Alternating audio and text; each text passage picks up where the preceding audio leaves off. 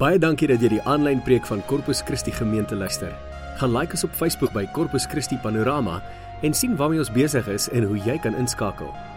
Ons hoop van harte dat jy hierdie boodskap sal geniet en selfs met vriende en familie sal deel. Deel ook gerus die preek op jou Facebookblad. Sit terug, ontspan en geniet die boodskap wat Piet met jou gaan deel. How's everybody doing? Gaan dit lekker? Yes. Going well, thank you. So some some more enthusiasm. How's it going? Everybody doing all right? Huh? Yeah, that's better. Um, if it didn't go any better, I would have had to start speaking in my Australian accent, and that would have been weird. So um, thank you for helping me. anyway, so um, where were we last week? Who can remember what I spoke on last week? Oh, there's a Wolf Macy. So, no, you can't remember. You were just stretching. For 50 Rand. Yes, there we go. So, th- these past couple of weeks, I've been speaking on why, the great why. The great why. And you know what? This whole why, why, why can so easily result in cheap answers. We can so easily sort of just give cheap answers just to try and figure out or try and make sense of why certain things happen, why things happen to us as human beings. We're trying to interpret a living God, a, a God who's, who's, who's, you know, according to that old little children's song, he's got the whole world in his hands. That's my Southern American accent. We're trying to make sense of a God who's way bigger than we can ever understand or, or make sense of. He's much more. He's, he's even more than the Bible tries to explain in, in, in 66 books. He's more than that. He's, he's more than the Bible. The Bible tries to give words to, to this God, this invisible God. So, without trying to make it cheap, we're trying to just make sense of Him. But we'll never understand fully. And Paul says it so eloquently in 1 Corinthians 13 when he says, We look, and it's as if we look in smoke and mirrors. Eh, in die, die Afrikaans 'n spieël en 'n eh, raaisel, kyk ons. And and what he's saying is he's he's just saying that not everything is revealed to us. Not everything will make sense. But one day we'll see. And one day we'll understand. And one day all will be revealed in good time. But in the meantime, don't fall into the trap of Job's friends who tried to give him a lot of answers, just cheap answers. Oh, it's because of your sin. It's because of the unnamed sin in your life that these things are happening to you. That all your children were wiped out. That all your riches were taken from you. That everything fell apart. That your whole life is a mess. It's because of sin. It's because of sin. And maybe it's because of this and that and what and what. And, and, and Job's friends fell in this trap of trying to make sense or explain things. So, we're not going to try and figure everything out because we won't. It's impossible. But to the best of our abilities, we'll try and grapple and grasp and try to make sense of with the limited resources we have of who this God is and how He wants to relate to us. Because He does want to relate with us, He wants to be in relationship with us. That is the, that, that is the, that's the strangest thing. But the God of the universe wants to be in a relationship with you and with me. That just blows my mind. It freaks me out.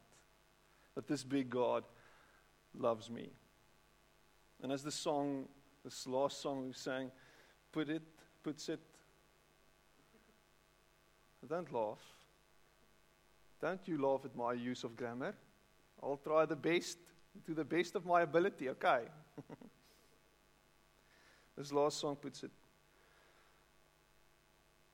And heaven meets earth like an unforeseen kiss. Wow, what, a, what an image. The God of heaven and earth gives himself to us in an act of unselfishness, in an act of total servanthood. He comes and he gives himself so that we can live and so that we can have a relationship with him. That's amazing. And that should excite you. Okay? Okay. So God wants a relationship with you. And more than that, God wants to show himself to you and he wants to reveal himself through you. I don't know if you know that. If you've ever thought about this. But the, the, the weirdest thing is, is that God wants to use us. That, that, that blows my mind. Everything blows my mind today. Your mind is easily blown, Piet. Got a weak mind. Yes, I do. But this God who made everything, this God who wants to be in relationship with us, wants to work through us. And, and what's crazy is Jesus came to earth, did what he did, went on this mission, gave himself, died, and his disciples were left with this thing of what now? And then he's, he's raised from the dead by immaculate power, and it's, a, it's an amazing story. And, and then everybody thinks, okay, this is cool, he's going to stay here with us. But he, he leaves again. He leaves them with this great commission of go out into all the world and make everybody my disciples and baptize them. And you go, just run with it. I'm giving you this. I'm, I'm sharing my glory with you. Yeah, go, do it. And He wants to use each and every one of us, not just me. You know, you were called to be a pastor, Piet. You know, for the rest of us, we just want to sit, you know, and relax and have some great coffee, which is great, by the way, if you come to this church. And, and, and, and just, you know, we want to listen to sermons that sort of soothes our minds and our, and our, and our restless souls. We want that, you know, we, that's what we need in a time like this. But what you need is a reminder that you are called by God. You are called to go into this world and make a difference. You are called to be where you are, to, to, to, to be where you are every single day, and to make a difference there. Where are you every day? Because where you are, there is God, and God wants to be revealed through you. Because you are, not you is, you are his hands and his feet. That's what you are. And you become an instrument. Wow, that's amazing. I just love listening to music and engaging and being part of what's happening on the stage. I love watching musicians play their instruments with, with skill and with, with passion. And I, every now and then, I, I sort of imagine myself, and it's so weird, being an instrument in God's hands and Him using me and playing through me and making a beautiful noise through my life. And I find myself in situation, my, myself in situa- myself, because I am more than one, it seems, find myself in situations every now and then where I get this urge of, you've got to do something now, say something, be something. This person needs me. Give it to him. Give me to him. Share me with her. And that, that sort of makes me come alive. That makes me come alive. Being able to be used by God. I mean, my primary function and what I do is I preach, and hopefully I inspire people with that. But it's more than that.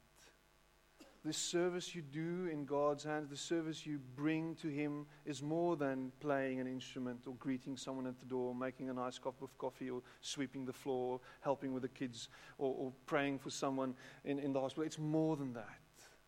It's much more than that. And maybe you feel that you're not good enough, and that's what we're going to get to tonight. So, for the next hour and a half, we're going to, we're going to run and we're going to do this. But so, why, and then once again, why would God use me? And I've heard it many times. Person come to me and say, sort of say, you know, Piet, I just don't feel ready yet. So, you know, I'm, I'm, I'm, a, I'm a bit of a mess right now, and I'm, I'm hoping that I sort of get fixed and healed and what have you, and then maybe then God will use me, or then God can use me. I'm broken at the moment, and so I'm, I'm not feeling it, and I think, you know, it's better for everybody and for the whole world if I just sort of stay in the background and in the shadows, lurk around before God starts using me. And here's the thing God loves using broken people. He loves using brokenness. He loves broken humans. He called them broken while they, they were broken. And He takes us on this journey. And one of my favorite stories in the Bible, and if you know me, you would know exactly which story that is, is, is Judges 6. And it's a story about a guy called Gideon. And this, this whole crazy story of Gideon hiding from the Midianites and doing whatever he was doing in a wine press because a wine press was a hole in the ground and it was a place where they couldn't see him doing what he was doing. Because when they would see him, and if they had seen him, they would have come and taken everything from him and stolen because they were being oppressed. And here he was hiding, doing his job in a hole in the ground because he didn't have courage. And, and the angel of the Lord appeared to him. And when you hear the angel of the Lord appearing in Old Testament times, it is always God Himself appearing, God Himself showing up, being there, being present, and calling him by name. And here's the name that God gave him. In Afrikaans klink dit so: Die Here is met jou, dapper held. Ek is met jou, dapper held. In English, it's sort of bravehearty. The Lord is with you, mighty warrior.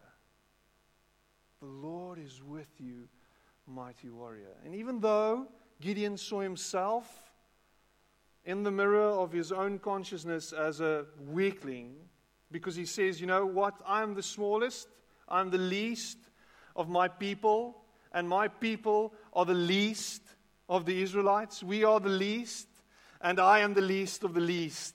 I'm a nobody. And you, you saying you, you, you, you're calling me a mighty warrior, and you want to use me, because that's what God said. I want to use you to come and to free my people. You're going to use me to do that. You know who I am? And he was sort of all over the show, trying to convince God otherwise. Don't we do this often? Try to convince God otherwise. Yes, no. Let us now begin this bargaining process where I say unto thee, I am not good enough. Please do not use me. And God saying, I will use you. You will obey. You will. And we're running away. And he sort of, what was that? I want to use you. Because in my eyes, you are good enough. In my eyes, you are good enough. And then here in Judges 6, verse, verse 14 to 15, the Lord turned to him and said, Go in the strength you have and save Israel out of Midian's hand. Am I not sending you? Verse 15, but Lord, how can I save Israel? Why would God use someone like you? Why would God use someone like you? Have you thought about that? Have you forgotten that you were made in His image? Have you forgotten that He saved you by giving Himself wholly to you, by dying on a cross for you? Uh, it, it, it, it should inspire you, it should excite you that you are good enough for Him. And each and every one of us can find purpose and meaning for our little lives, our little small lives, in this fact that God has a plan for your life. And it's such a cliche. Oh, God has a plan for my life. Yeah. What's that plan, Piet? You know? I'm hoping to sort of see that plan for my life one day. The plan for your life is that you'll become useful to God. That's the plan. And by being useful to God in a moment where people need God, you become what God intended you to be.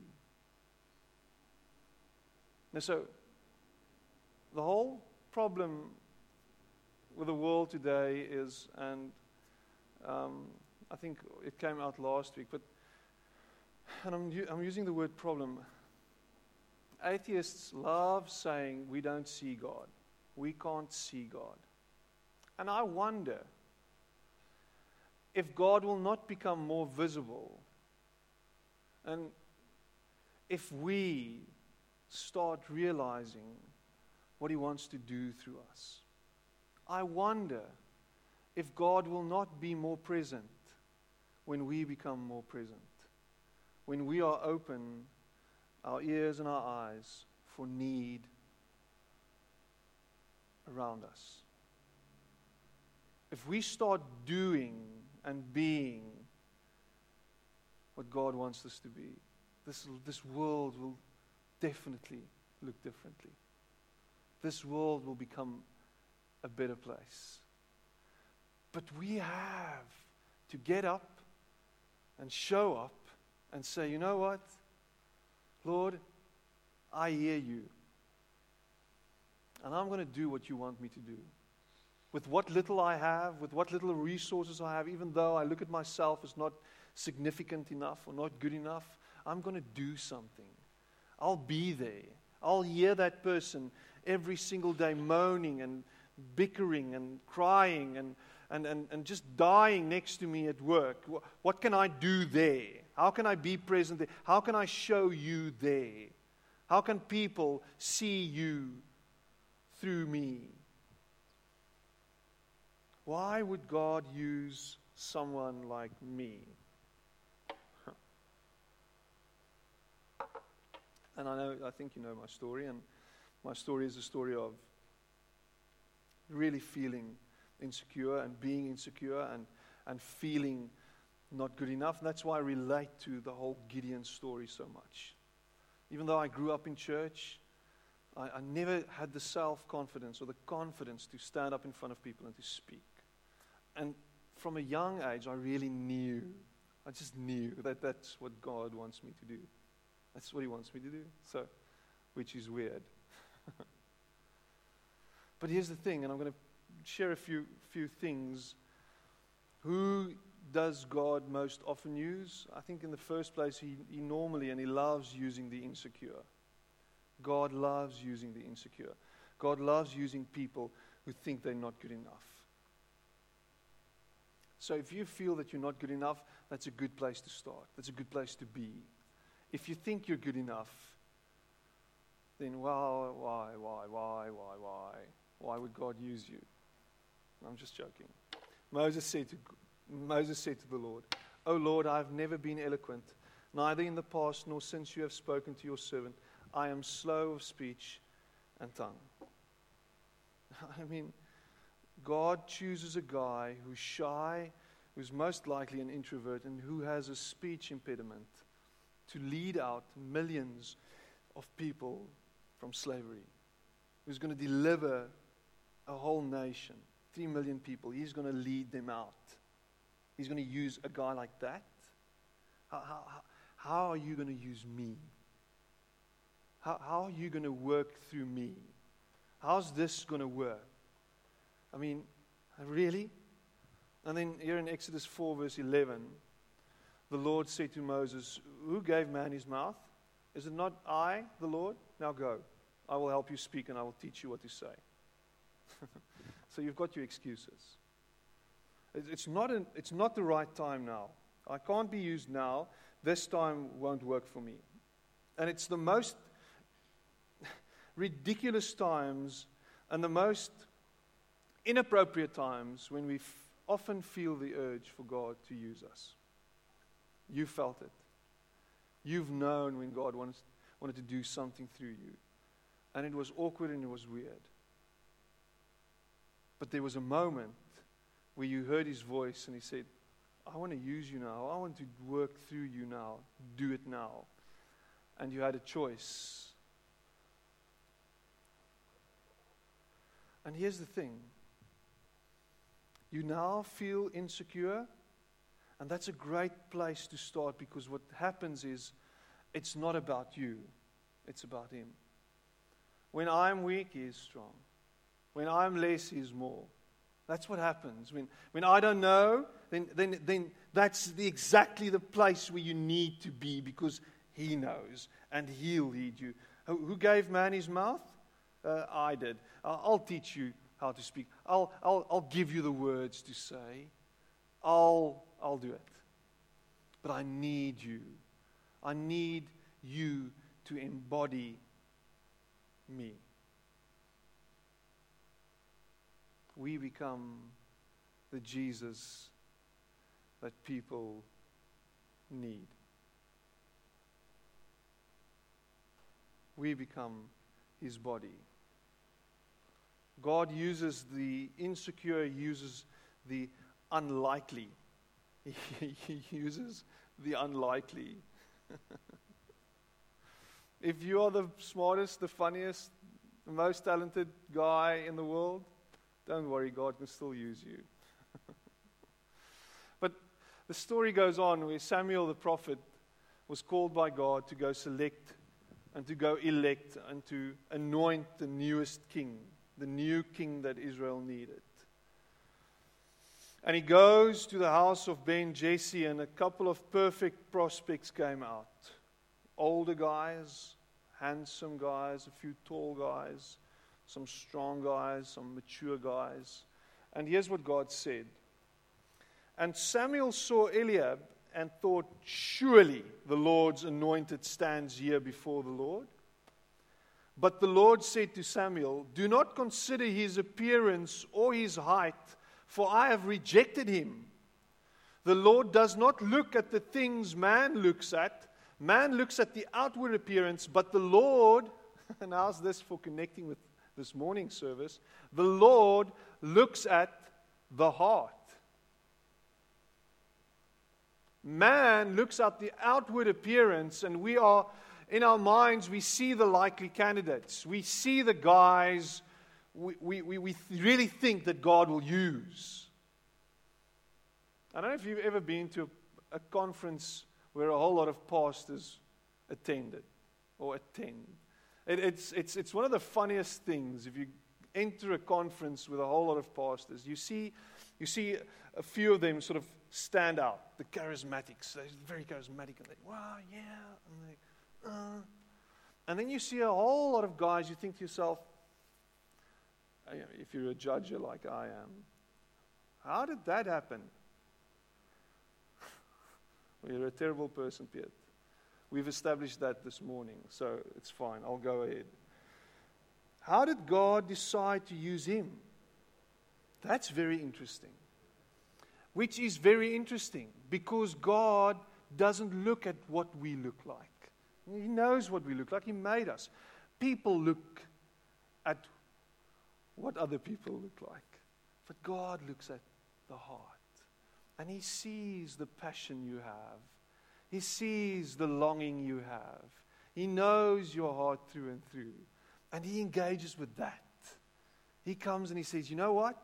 I see your heart. I know what you wanted to, what, what you want to achieve. I know what your dreams are. I don't want to latch onto that. So just allow me to use you. Just allow me to work through you. Just allow me to show you what I want to do. And trust me, even though you think you're unlikely. Samuel was looking for the obvious. God chose the unlikely. So, how unlikely are you to be used by God? Just think about that for a moment. You know, Piet, I don't have skills. I can't speak. I can't, you know, I'm not the brightest. I'm not the, you know, sharpest knife in the drawer. You know, Piet. And that's the thing. Don't underestimate yourself because you don't value yourself. God values you. And God says who you are. God defines who you are. I love that. I love the fact that my worth is not it's not up to me. My worth is determined by him. I love that. Your, ver- your worth is determined by him and by the price that he paid for you. Oh, it's a, it's a nice cliche. Your worth is determined by the price he was willing to pay for you. And if you can just sink into that and have that sink into your heart, and you try and come to grips with the fact that you are good enough, you are called, you are wanted, you are loved, and you are sent.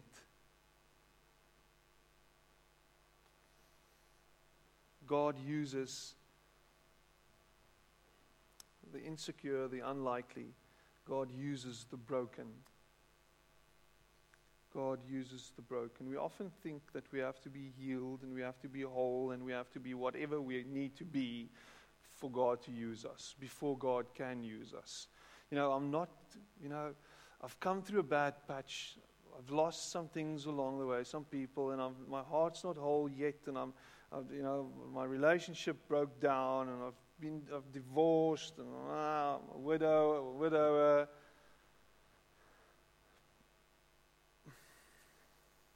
I've walked away from him so many times. And the story of Peter, where Peter, where Peter denies knowing Jesus, it's, it's one of the, it's a profound story. Because yes, Judas came and he stabbed Jesus in the back and he sold his soul to Satan for 30 pieces of silver. And that was a bad thing to do. You know, but Peter was, in his own mind, the closest to Jesus of all the disciples. That's how he felt about himself. I love Jesus the most. You know, I feel about Jesus the strongest and the most passionate. And he showed that by trying to behead someone with his sword uh, and only you know, cut off his ear, and Jesus had to intervene and heal the man's ear, attach it to his head. And, and Peter, when Jesus confronted him and said, You know what, Peter? Before the rooster crows, you will deny me. Never, Jesus. Never, ever, ever. Never will I forsake you. Never will I walk away from you.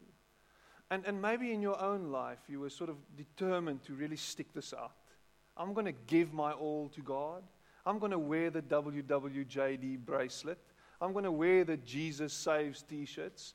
I'm going to wear soldier of the king and soldier under his command and whatever, and I'm going to do this and I'm going to be pure and I'm going to stay holy and I'm going to do, I'm going to fast every single year. I'm going to fast for 40 days and I'm going to pray every single morning at 4 o'clock and I'm going to do this. I'm going to do that. I'm going to read through the Bible 12 times a year. Once a month, I'm going to do this. And you decided you're going to be passionate about Jesus. And six weeks or seven days down the line, you fell flat on your face. And you're discouraged by this whole thing. And you think to yourself, you know what? I've shown my true colors. I'm a loser. I'm a reject. I'm not good enough. And Peter denies Jesus, goes through that whole thing, and he discovers that he is a liar and that he's not good enough. And eventually, Jesus dies. And Jesus goes to his grave with Peter having denied him. Imagine the disappointment that Peter felt in himself. Imagine how he, how he felt about that. He has, I have really shown my true colors.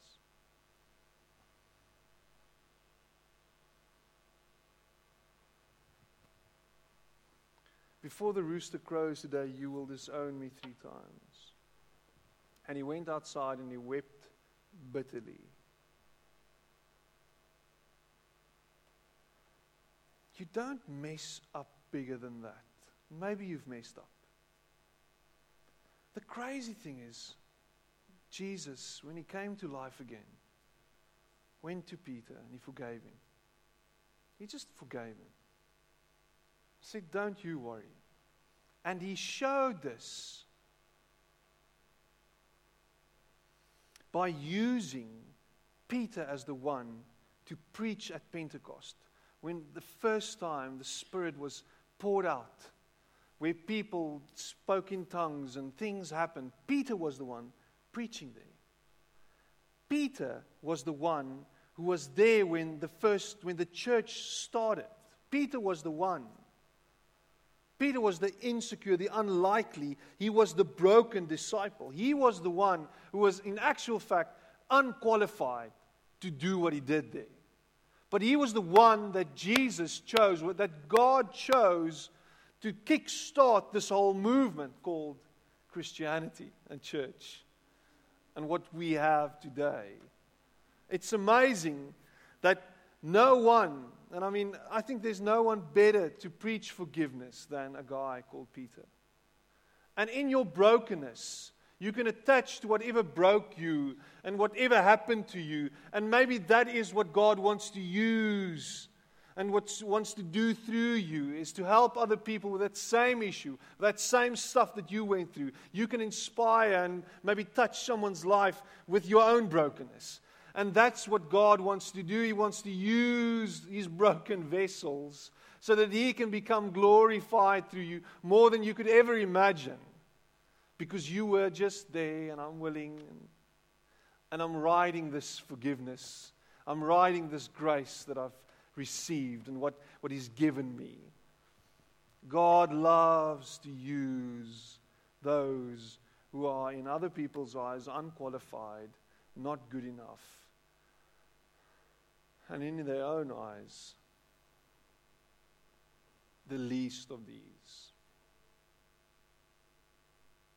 So maybe if we can start looking at ourselves through the eyes of Jesus and start seeing ourselves as, as good enough, but mindful of the fact that we are insecure and unlikely, mindful of the fact that we are broken Never become this person who walks around with pride because God uses you. Never walk around and tell people of all the things you've done in the name of Jesus. You know, I don't like people boasting about what they've done for the Lord. You know, we preached and there were thousands of people, and hundreds of and hundreds of them came to accept Jesus. And we baptized 700 people, and it was amazing. And and all I hear is blah, blah, blah, blah, blah, blah, blah. Because what we are doing is we are boasting in ourselves. But when you are aware of your shortcomings and the fact that you're not good enough without Him, God can use you and God will use you. And maybe it's time that a church with broken wings start rising up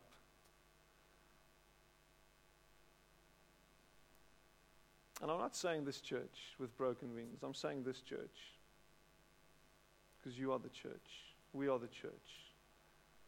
We need to rise up. We need to stand up. We need to get up in 2016 and start showing off the light of God. Start reflecting His God colors. Start reflecting who He is. Start showing this world what God can do through broken people, through broken vessels, through the unlikely and the insecure. Imagine the movement of God's Spirit when we start rising up and doing what we were called to do. Imagine people, people, people's lives getting changed because people are obedient to the voice of God in their lives. It takes one guy to stand up and to speak with boldness, to change the atmosphere at work, at school, wherever you find yourself, in your neighborhood.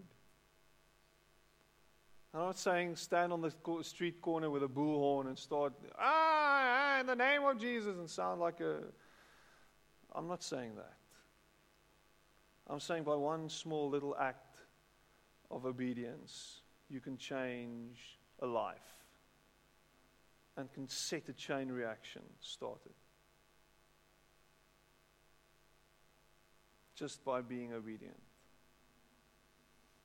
What is that act of obedience in your life? What has God shown you? What, have God, what has God asked you, but you haven't reacted on that yet? What is He asking you? What is He showing you? And maybe this week it's time to act on this and start, start being used by God.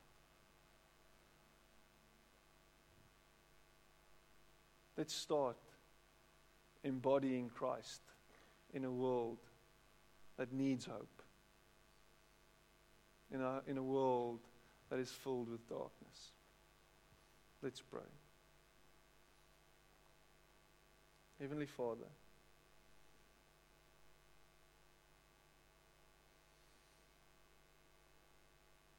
how you can use us is beyond me, but you want to. And you want to work through us. And my prayer is that we'll start realizing the plan and the dream you have for us. We start living in this calling that you have on our lives. That we'll start being obedient to you, Lord. And as an act of obedience, start acting on this nudging of your spirit and start doing what you want us to do, whatever it is, what, however small it might look. That we start somewhere and just through us, Lord, that we'll see your glory, that we'll see you working, Lord, that we'll see people's life, lives get changed because we were, we were there and we were willing. We, we, we're probably not able, but you'll help us along the way. Thank you that you'll empower us. Thank you that you are the one giving us what we need to do. You're, you're the one who will help us, Lord even though we don't know exactly what it is and how it's going to work out. Just help us to start. Start somewhere and do something. And through that, may your kingdom be established in this world more than ever.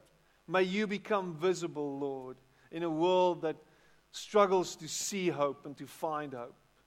That you'll become visible, that people will see you, Lord, because we are obedient to your voice. Thank you that we are good enough in your eyes. Thank you that we have been called by our names and you want us to go. Thank you that we're sent by you, Lord. And thank you that your Holy Spirit empowers us. And I pray this in, in Jesus' name. Amen and amen.